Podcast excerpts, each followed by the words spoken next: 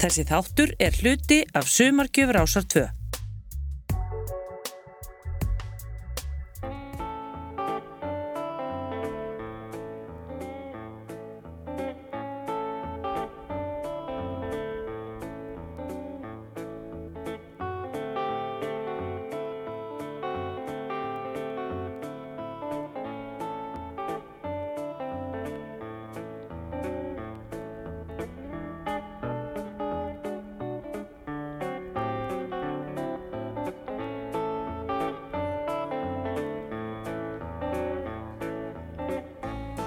sæl og velkomin í sjönda og síðasta þáttinum sjálfgefar hljóðrutanir Bílana.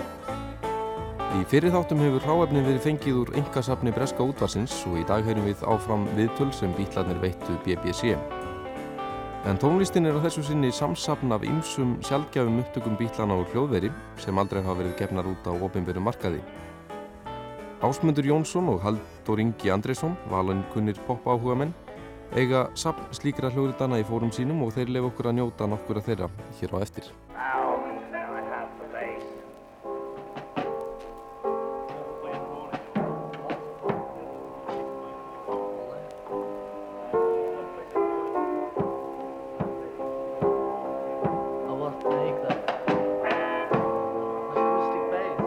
Bílarnir að gera sér klára í hljóðverinu en við höfum eftir að heimsækja þá þangað nokkur sinnum næsta klukkutíma.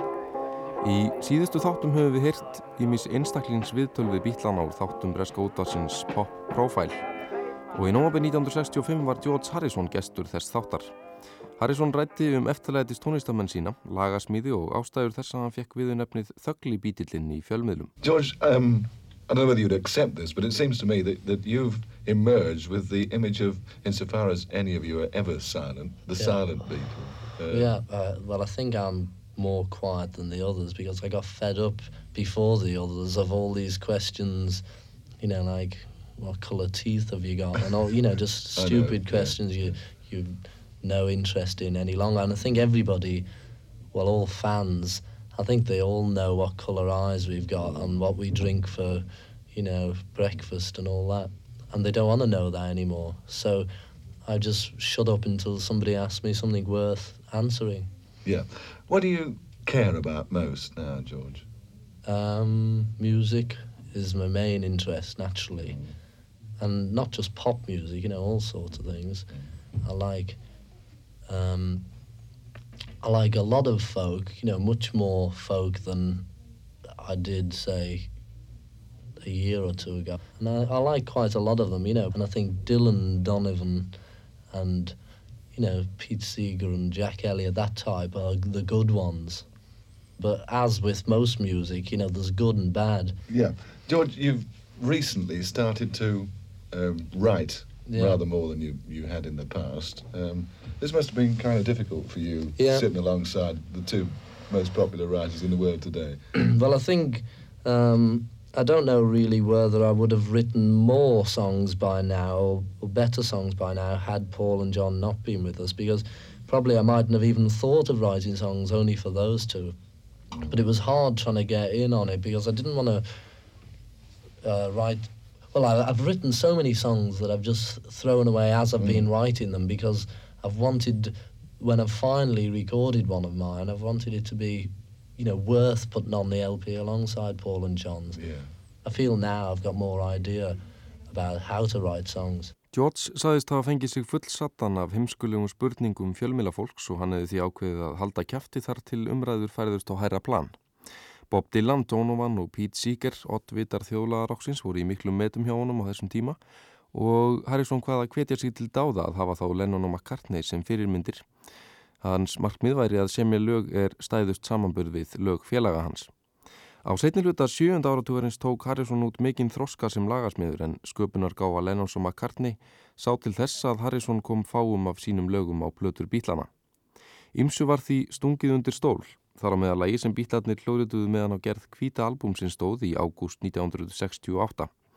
Að minnstakosti 21 fullgerð hljóðritun var gerð af þessu lagi og týjir að auki sem ekki var lokið við, en bítlarnir voru ekki sáttir við árangurinn og lagið var því saltað þar til Harrison grófðað upp árið 1979 og setti á sólablötu. Frum útgáfan frá 7. ágúst 68 hljómaði hins vegar á þessa leið og lægið er Not Guilty.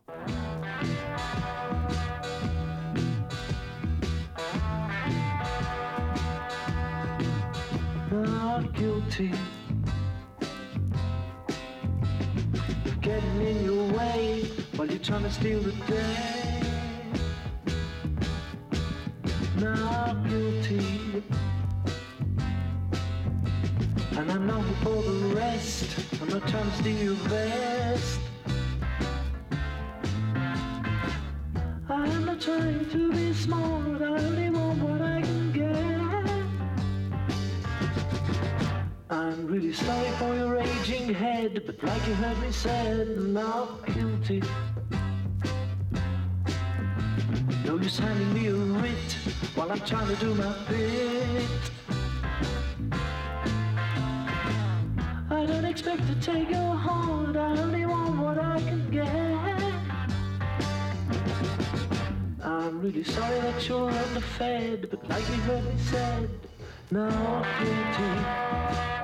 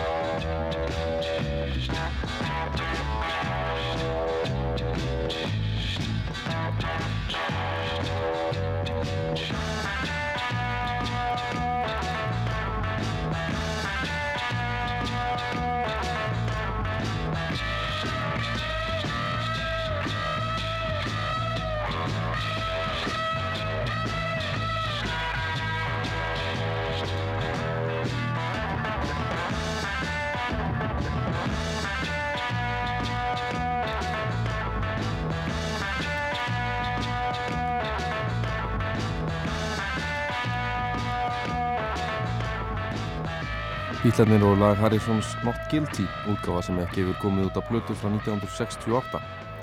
17. februar 67 gáðu bílarnir út tveggjalaga blötu með tveimur frábærum lögum Penny Lane og Strawberry Fields Forever en þessi smáskifa er að mörgum talin eins og besta sem að komið hefur út í rockinu.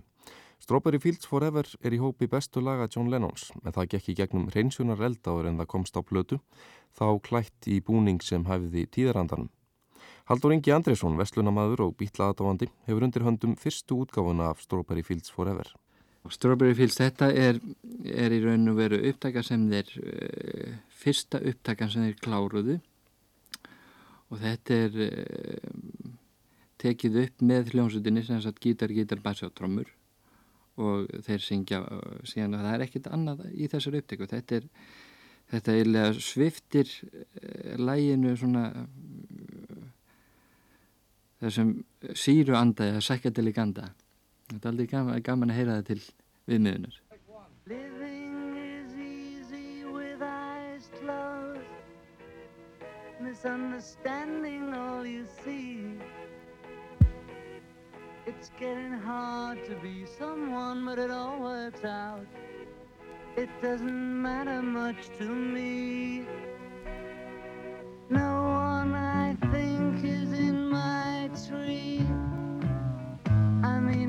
must be high or low. That is, you can't, you know, tune in, but it's alright. That is, I think it's not too bad. Let me take you down, cause I'm going to Strawberry Fields. Nothing is real, to get hung about. Strawberry Fields forever. Always know, sometimes think it's me, but you know I know and it's a dream. I think I yes, but it's all wrong. That is, I think I take you down, cause I'm going to Strawberry Fields. Nothing is real, and nothing to get hung about. Strawberry fields forever. Strawberry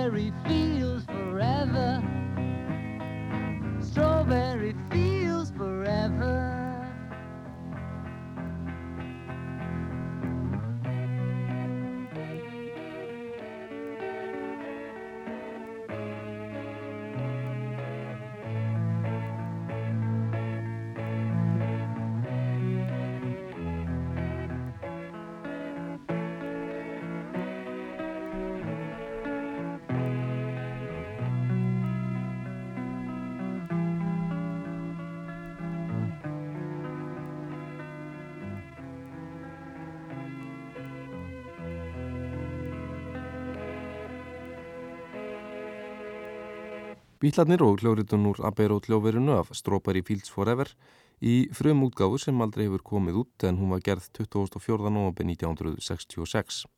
Sama ár voru John og Paul gestir í þætti hjá Breska útarpinu þar sem til umræðu voru ímsar sérkennilegar útgáfur annara listamanna á verkum Bítlana. Sérkennilegar segi ég, eða hvað finnst ykkur um flutning The Band of Irish Guards á læginu She Loves You?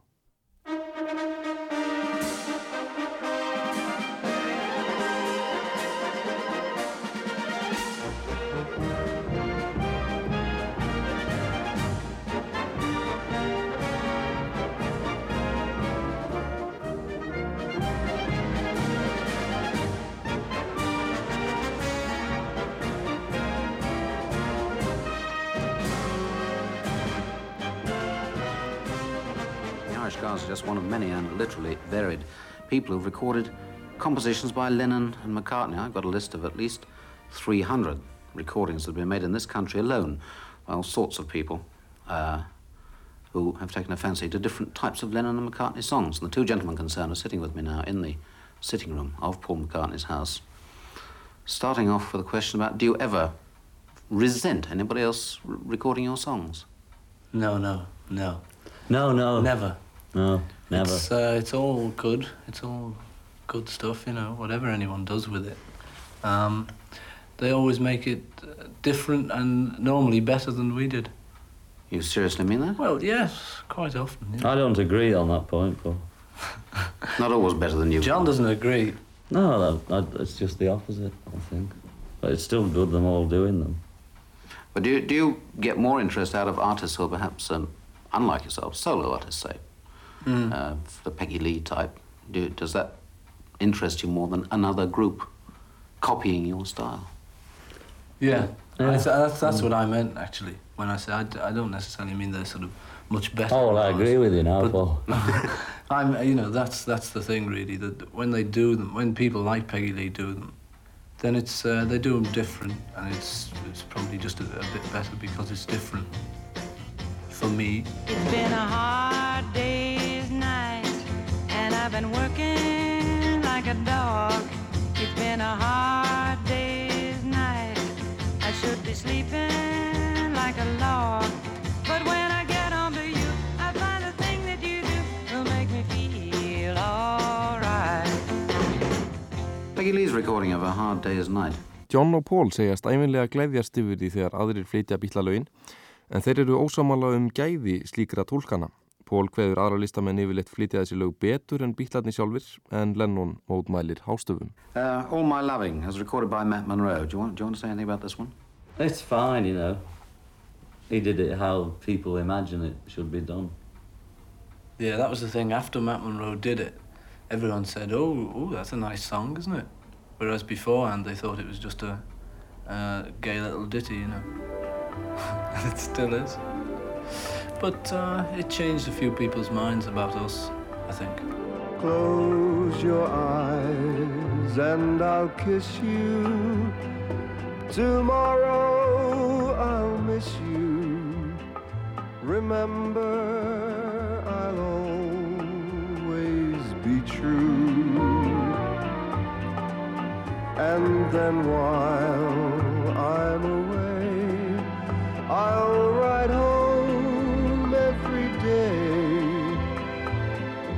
send all my loving to you. That was Matt Monroe with All My Loving. Við heyrðum brot úr tólkun hjartaknúsarans Matt Monroe á læginu All My Lovin' en hún breytti skoðunum margra af eldri kynnslóðinni á verkum bílana. How far do you feel that your individual talents are dependent upon each other? I mean, are you sort of Gilbert and Sullivan or Rodgers and Hammerstein? Do you, do you need to work together as composers? No, not really, but it helps a lot. Just on the old maxim of two minds are better than one. Yeah. Mm. You get another Well- point of view as well. The thing is because we we we, we can do them on our own, but often uh, one of us will just do a song and there'll be say one verse in it that's very bad or something, and it's very corny or, or and if I- if I've written it, then I'll sort of take it along and, and sing it to John. And he'll say that verse is terrible and that verse is corny. Come in, Mrs. Higgins. Because you still get so involved with something, you finish it, and if you're on your own, you haven't got the energy to go over it and sort of see, how- you know, if it really makes exactly what you want. So if you sing it over to each other, even if it's a finished song, you know, with almost the arrangement, it's still sort of, yes, that's, that's fine. Your milk, Oh. John. Thank you, Mrs. Oh, Higgins. Oh, thank you. It's really nice of you mm. that. Mrs. Higgins arriving with three glasses of milk. It's not even Mrs. Higgins either. Oh, well. um, yeah, put me on bus drive. That was Mr. Higgins. Oh, yes. Do, do you consider that you, the two, do, you- do you consider you think alike or that you think differently and therefore help each other? We think nearly alike, but Mm. pretty differently at the same time. But I mean, you know, we can write we can write a song, say like Day Tripper, where we, you know, where we've got to write one, and uh, and at the same time be uh, the same writing it. You know, we can write it thinking the same thing about it.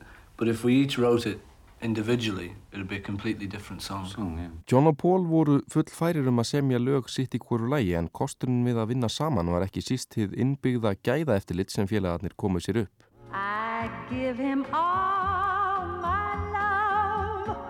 That's all I do. And if you saw too. And I love him. I didn't write that. Lena Horne with And I Love Him. What did you write? And I love her. And You Love Her. Was it written for anybody in particular Uh, yes, Keith. at that time? yeah, you know, I mean, I think mo- s- prob- probably most of them are. Most of the songs are. Yeah, I, I think so. In a way. Have you written any songs specifically for people? Did, did you write Wait for Frankie Vaughan? No, Have you we you? weren't thinking of Frankie at the time. But no, uh, we've written, we used to write in the early days when we had more time to write for other people, or or we seem to be. Uh, we wrote, that's the only time Wrote we've one written for Helen people. Shapiro and Kenny Lynch did it. Yes. Mm, we wrote one for Cliff and we did it. And uh, Billy J and, tho- and those days were the only ones we really wrote for people. Hmm. We thought we had some to spare. It's been a long time now. I'm coming back home. I've been away now. Oh, how I've been alone. Wait till I come back to your side. We forget the tears we cried. Frankie Vaughan with Wait. Frankie Vaughan og lagið Wait sem bítlarnir settu á blödu sína Rubber Soul og þar áður heyrðu við söngkonna Línu Horn, tólka balluðina And I Love Her, sem reyndar hétt And I Love Him í meðförum hennar. Segjum þetta nóg af bítlalögum í framandi klæðum. Ásmundur Jónsson útgefandi er flestum mönnum fróðari um rocktónlist, ekki síst frá setni hluta 7. áratugurins, en frá þeim tíma eru fjölmarkar upptökur með bítlónum sem aldrei hafa verið gefnar út á ofinberu markaði, þó þær séu til á svokullunum bútlegum eða sjóræningja upptökum sem gefnar hafa verið út án leifis listamanna eða útgefenda þeirra. Meðal þessara eru heilir kílómetrar af upptökum fyrir plötuna Let It Be og fleira efni, en ég spurði ásmönd hvað af þessum hljórutunum ætti erindi á almennan markað. Þessar Let It Be upptökur komplett má segja og í rauninni annað af þeim lögum sko, sem að mig langaði að, að, að erið spila hérna, Revolution eða svo útgáða því að hún einmitt finnst mér svona í sjálfu sér undirstryka mjög vel uppbrunna eða tónlistarlegan uppbrunna bílana það í Little Richards og þrátt fyrir að þessi þessi psychedeli og þessi, þessi ár í kringu 60 eða frá 65 til 70 hafi gríðarleg áhrif á, á, á svona tónlistarlega útfæslu þeirra þá þá eru þeir fyrst og fremst svona rock'n'roll bandi í anda undir sterkum áhrifum frá þessum e, list, eða frá þessum frumherjum rocksins. Og eru í, að þvíleiti til mjög ólíkir þessum bandarísku eiginlegu hippasveitin sem voru að koma upp á þessum tíma. One, two, three, four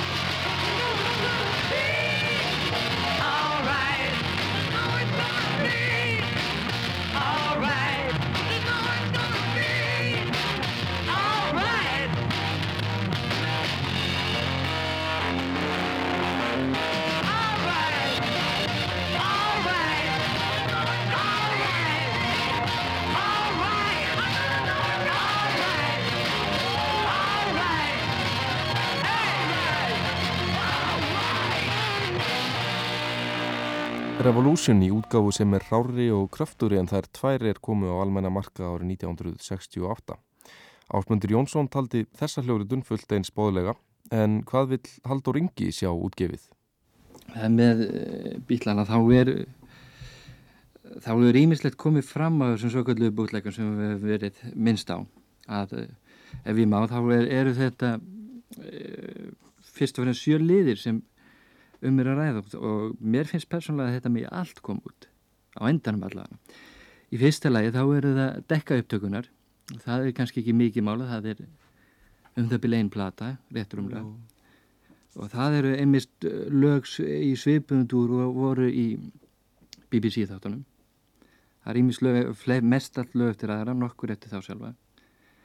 Í öðru lagi sem er nú líklega best, það besta í þessu, það eru BBC upptökunar sjálfar og það eru já, miða við þessa þættir sem þú verður með þá eru er, er þar efni á nýju plötum og ég veit til þess að þetta er, er komið út á búðleikum á ellu plötum. Í þriðiði lagi þá eru það jóla, hérna, jóla upptökunar eitthvað sem Christmas recordings eins og það er kallað. Þar voru að taka upp skilaboð og, og uh, voru með sketsa og ímislög sem er samt á staðnum sem voru, sem, sem voru saman á staðnum mjög í anda kannski þessara viðtala sem er í BBC Já, já, nett vittleisa Já, já. Í fjörðalagi að þá er það sem eh, kom reynda fram í viðtali við George Harrison núni mjög sesjan fyrir skömmu að, eh, og hann er að gefi skinn að koma út að það eru auka upptökur, svo kallar outtakes allskynns demo upptökur eða pröfu upptökur á ýmsu stíi jáfnvel það eru kassagítar upptökur heima upptökur og annað dýlit sem hann segir að, að hann meira segja eigi fullt til sem hafi ekki eins og komið að bútleika Í fymta lagi að þá er það Get Back upptökunar að uh, þegar þeir tók upp Get Back þá voru þeir uh, já, upphæðlega fyrst og fremst að taka upp uh, kvíkmynd og vildu sína fram á það að hvernig æfingar færu fram á hana því þannig að þar var tekið upp alveg gífurlegt magn af allskynns lögum sem þeir hafi fyrkt af áður bæði þeirra eigin lögum nú gamlum Little Richard, Jerry Lewis og öllu þessu og ekki bara það heldur líka heldur líka lögum eh, eftir gamlu krúnir hennar sko eins og Frank Sinatra hann er þínlít í sjötta lagi að þá er uh, þó nokkuð af hljómleika upptökuefni sem er til fæstæði líklega frambærlegt vegna þess að, að uh, þeir voru nú ekkit uh, já þó þeir hafi verið góðir á hljómleikum þá þegar það var verið að taka upp hljómleika þessum tíma þá heyrðist ímislegt annað með og heyrðist kannski ekki svo mikið í þeim. En það er sumt að því allt í lagi samt. Nú og sjönda lagi þá er nýtt dæmir sem hefur komið, komið fram núna síðustu síðustu missurum það er, já það er náttúrulega ekki nema kannski einn plata, það fundust upptökur með hverjumenn þar eru þeir uh, þrýr saman, John Paul og George og og eh, Stuart Sutcliffe. Og þar eru er að taka upp líklega í ganginum heima hjá George eða, eða Paul. Þetta eru kannski ekki merkilega auðtökur en, en það eru samt það góðar að það eru alveg frambærilega sem, sem söguleg heimildablötu Eitt er að laga frá fyrstu árum bílana sem enn býður útgáfu er tólkun þeirra á lægi sem til dæmis rockarinn Johnny Preston setti á blötu árið 1961 Svo hljóruðum sem við heyrum er frá 5. ágúst 1964 Á þenn tíma er bítlarnir unnið að gerð breyðskjöfunar Beatles for Sale. Læðir Leave My Kitten Alone.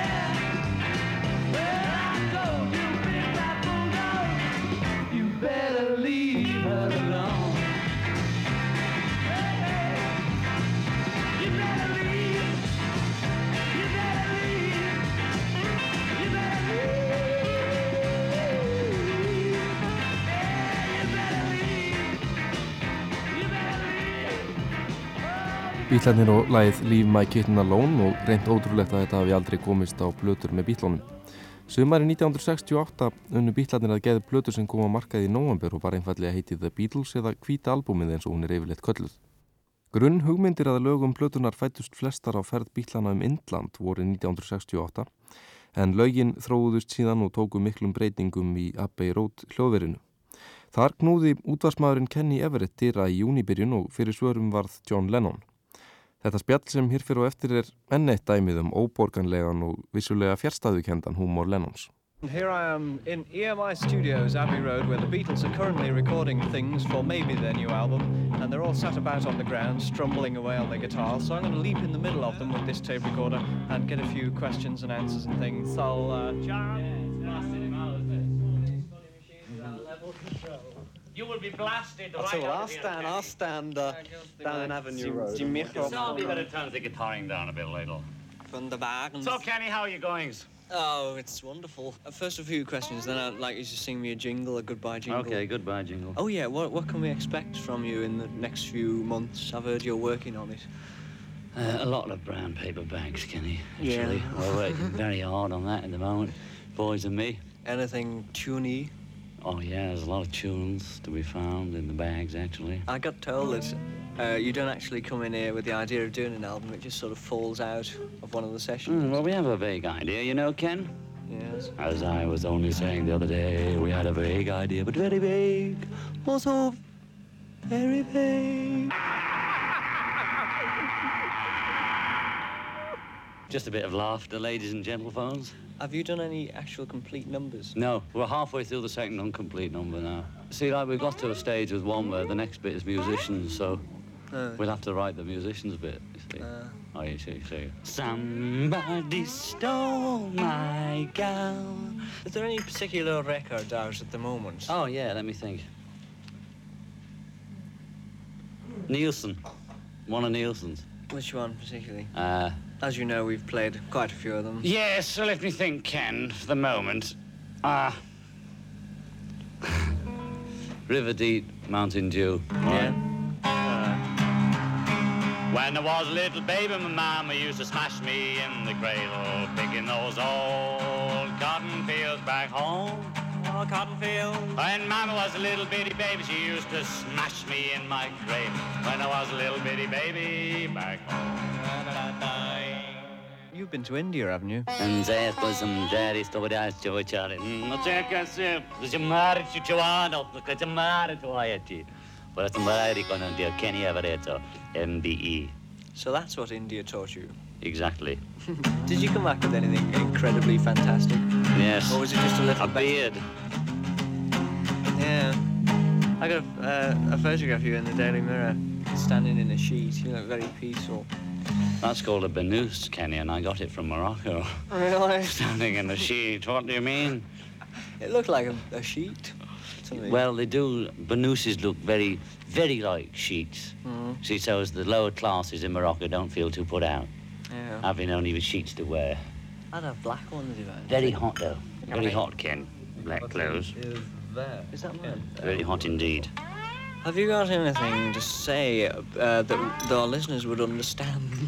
How about good morning? Good morning. Uh, good morning. Good yeah, th- thank- good thanks, morning. John. Good morning. Uh, John. Good morning. Good morning. Uh, John. Good morning. Good morning. John, Johnny! Uh, what I really meant was... We've just done two tracks, both unfinished. And uh, the second one's Ringo's first song that we're working on this very moment. Exactly, And he composed it himself. He composed it himself in a fit of lethargy. And what do you think about it? I think it's the most wonderful thing I've ever heard since Nielsen's River Deep and Mountain Dew. Crazy. Well, that's about 30 seconds worth. No, there's half. There's an LP out of this, Ken. There's an LP. Hey, listen, you said once to me- Everett. It's the Kenny Everett Show.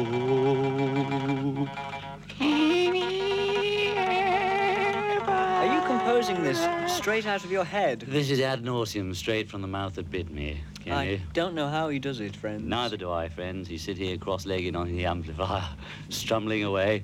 I hope we're going to hear this, listeners, because we have a lot of fun doing them, but never quite hear them, listeners. Never quite hear them when you get home. John Lennon og útvarsmaðurinn Kenny Everett við hljónema 9. júni 1968.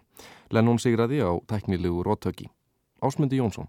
Þegar þú e, talaður um þetta við mig um daginn að, að koma hérna og velja eitthvað laga þá er, er þetta þessi útgá og get back yfirleitt yfir höfuðs svona e, óskrifuð bók fyrir mér. Hvað var það bílana ég e, veit satt að segja ekki hvernig maður á að taka þessu miða við, miða við e, bæði miða við það sem að bílandi gáðu sig út fyrir að vera hvort það sé e, e, háð eða grín það á ég líka mjög erfitt með að, að bekjana það sem að, að rasismi og, og slíkt er, er, er tekið mjög alvarlega í Breitlandi en það er enginn fyrir það en ég veit ekki hvort að Haldur viti eitthvað meiri frekari deili á, á, á Get Back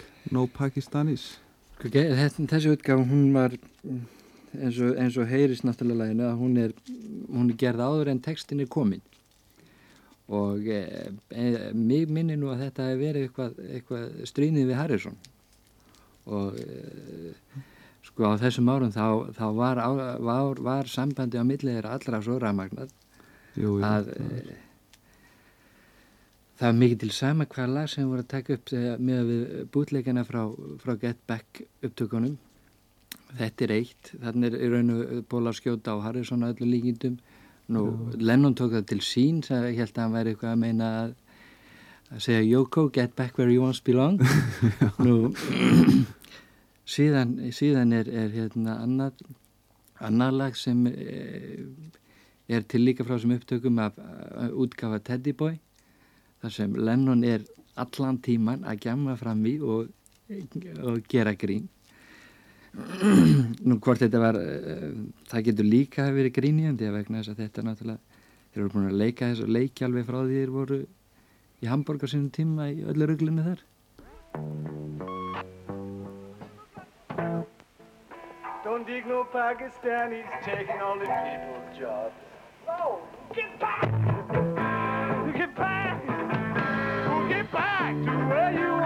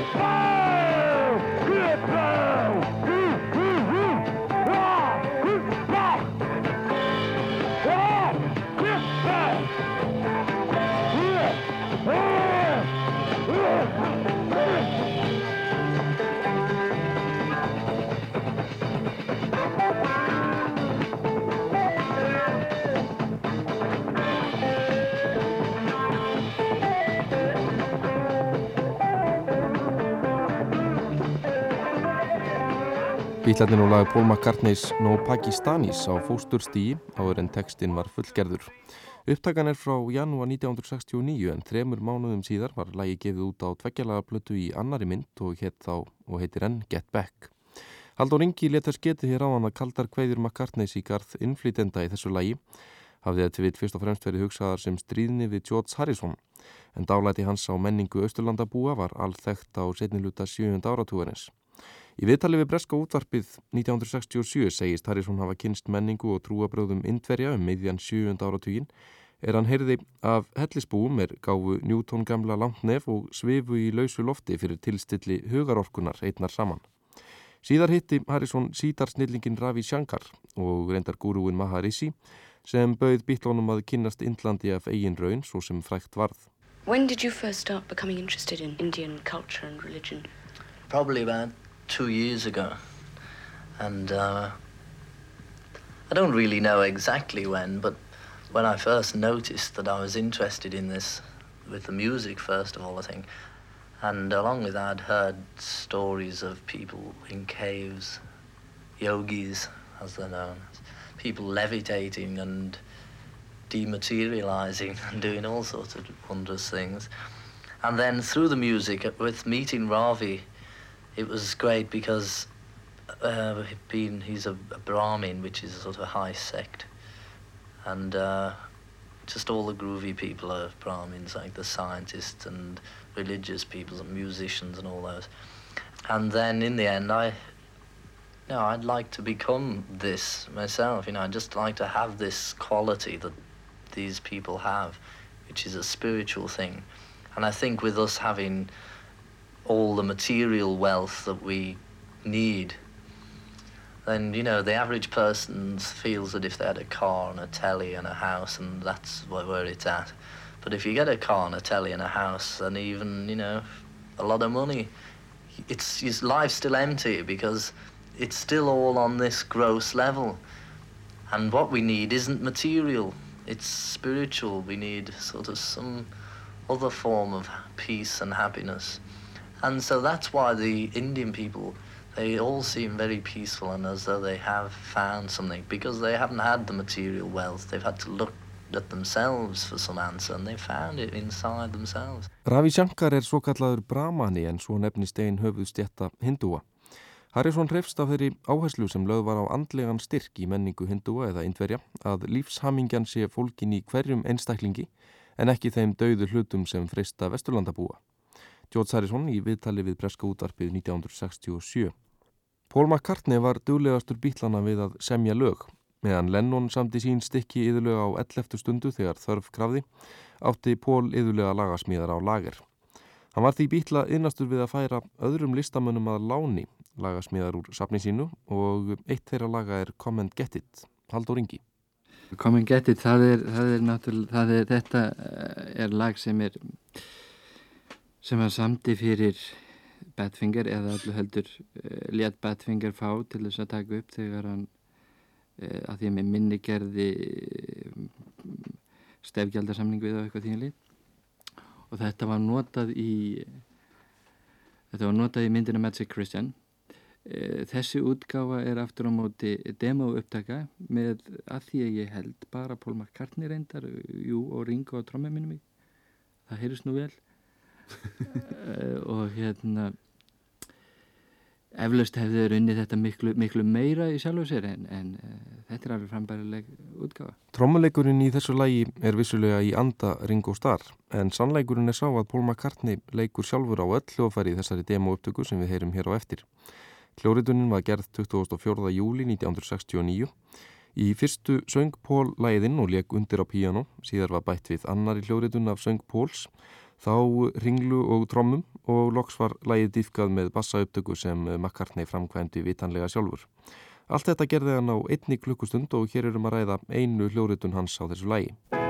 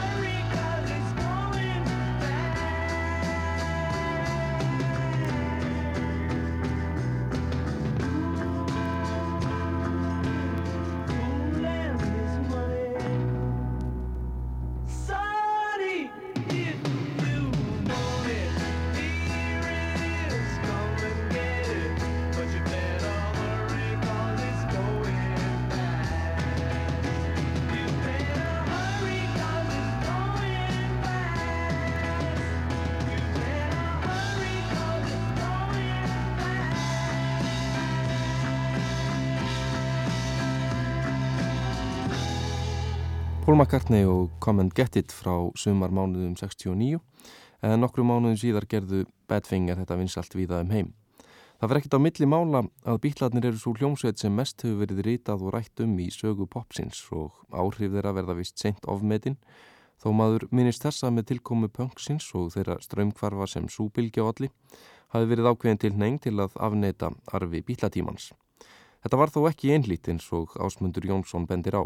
Ég held samt sem áður að bítlanir hafi átt sitt innlegin í, inn í hérna flest tímabil í roksögunni sem komið hafa eftir að þeir liðundi lok og, og ég man ekki betur en að, að, að punksveitir tóku bítlalög eins og Susi and the Banshees, Helter Skelter og, og, og það er alltaf þessi döluð sem hefur umleikið, um, umleikið bítlana sem að, sem að hefur verið mjög sjarmerandi held ég fyrir e, næstu kynnslóðir á eftir þeim.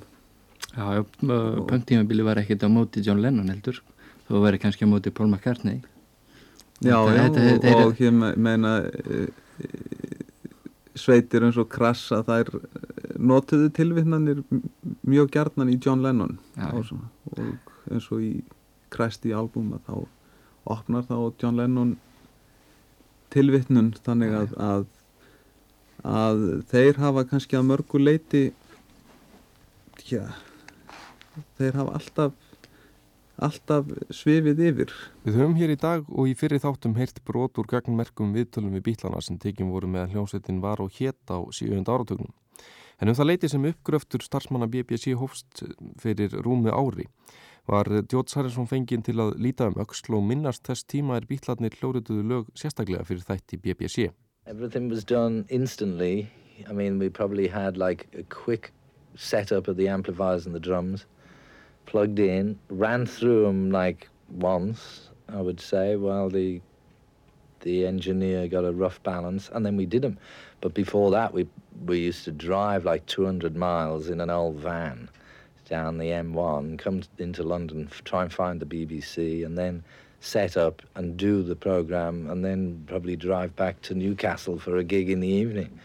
That's how they all were. until a bit later when we started to stay in hotels in London and we did those Pop Go the Beatles was like, you know, I think we'd got slightly famous by that time.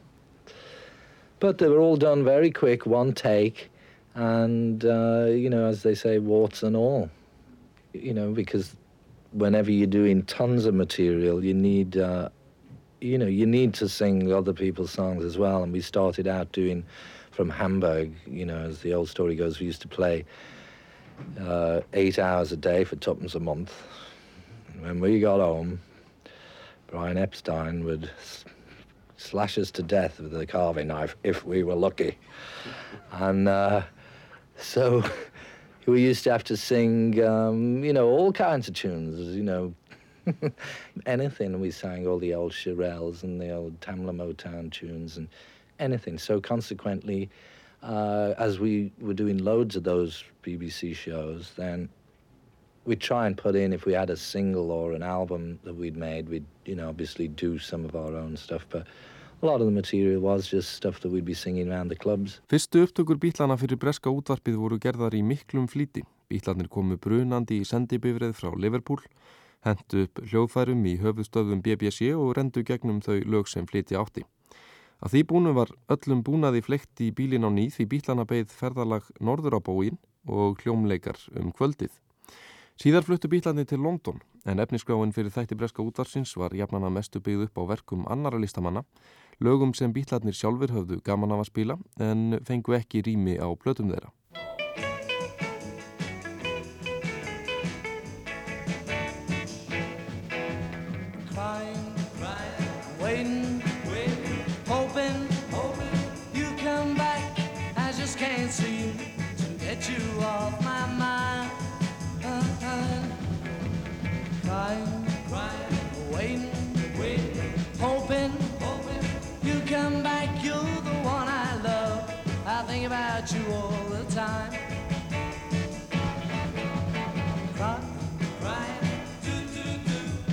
Tears keep on falling all night long.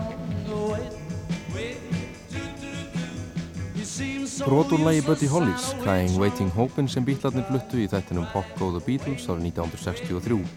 Stjórnandi þess þáttar var Terry Henneberry og hann hlíti á leik bítlana í lokuðu tæknistjórnarherbergi.